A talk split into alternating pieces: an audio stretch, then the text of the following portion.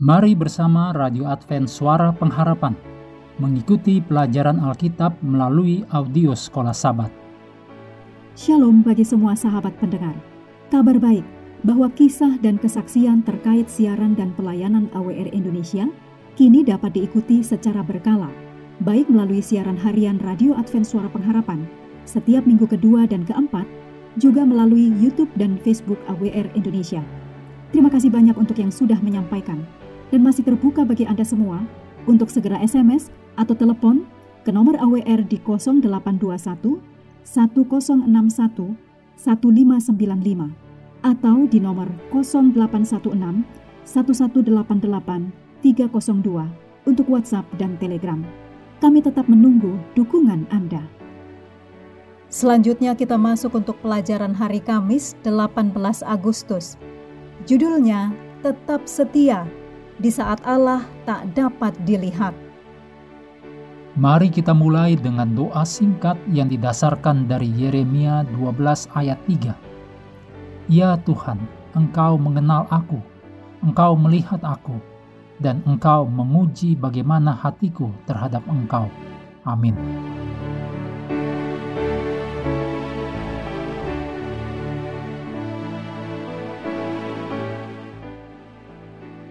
Memikirkan bahwa tidak ada yang peduli tentang apa yang terjadi pada kita sangatlah tidak menyenangkan.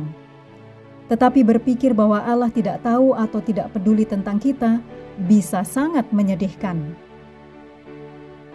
Bagi orang Yudea yang diasingkan di Babel, Allah tampaknya tidak terlalu peduli dengan situasi mereka. Mereka masih diasingkan, masih merasa ditinggalkan Allah karena dosa mereka tetapi Yesaya mengucapkan kata-kata penghiburan kepada mereka. Yesaya pasal 40 adalah bagian yang indah di mana Yesaya berbicara dengan begitu lembut kepada orang-orang tentang Allah mereka. Di dalam Yesaya 40 ayat 11 dikatakan, seperti seorang gembala ia menggembalakan kawanan ternaknya dan menghimpunkannya dengan tangannya. Anak-anak domba di pangkunya induk-induk domba dituntunnya dengan hati-hati.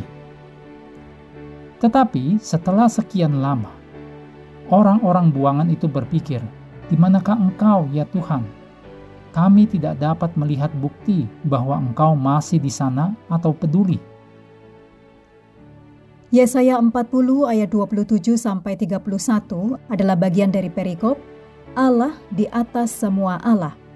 Di sini Yesaya menggambarkan Allah yang dimaksudkan untuk menjawab apa yang mereka yakini bahwa seperti yang ditulis dalam Yesaya 40 ayat 27, hidupku tersembunyi dari Tuhan dan hakku tidak diperhatikan Allahku. Kelompok lain yang mungkin menganggap bahwa jalan mereka tersembunyi dari Allah ditemukan dalam kitab Esther. Dalam kitab ini, Allah tidak disebutkan satu kali pun namun, keseluruhan cerita adalah drama yang terungkap dari campur tangan Allah untuk menyelamatkan umatnya dari hukum yang tidak dapat dibatalkan untuk menghancurkan mereka. Kisah ini tidak hanya menggambarkan peristiwa-peristiwa di masa lalu, itu juga melambangkan suatu saat di masa depan ketika umat Allah akan dianiaya lagi dan hukum diperkenankan lagi untuk kehancuran mereka. Demikian ditulis dalam Wahyu 13 ayat 15. Dapatkah Anda bayangkan betapa mudahnya menyimpulkan bahwa jika keadaan yang mengerikan seperti itu ada, Allah pasti telah meninggalkan umatnya? Tetapi kita tidak perlu takut. Allah yang sama yang telah menyelamatkan orang-orang pilihannya dalam kisah Esther akan menyelamatkan umatnya lagi dalam krisis terakhir. Yesaya menggambarkan Allah kepada orang-orang buangan dalam Yesaya 40 ayat 27 sampai 31. Di ayat 31 dituliskan, "Tetapi orang-orang yang menanti-nantikan Tuhan mendapat kekuatan baru. Mereka seumpama raja wali yang naik terbang dengan kekuatan sayapnya. Mereka berlari dan tidak menjadi lesu. Mereka berjalan dan tidak menjadi lelah." Anda perlu menggambarkan Allah secara benar kepada orang-orang yang merasa bahwa Allah telah menghilang dan meninggalkan mereka. Juga mengajari mereka untuk melihat melalui mata iman dan tidak bergantung pada apa yang mereka lihat di sekitar mereka dengan mata manusia. Mengakhiri pelajaran hari ini, mari kembali kepada ayat hafalan kita, Ibrani 11 ayat 27, New King James Version. Dengan iman ia meninggalkan Mesir, tidak takut akan murka raja, karena ia bertekun seperti melihat dia yang tidak terlihat.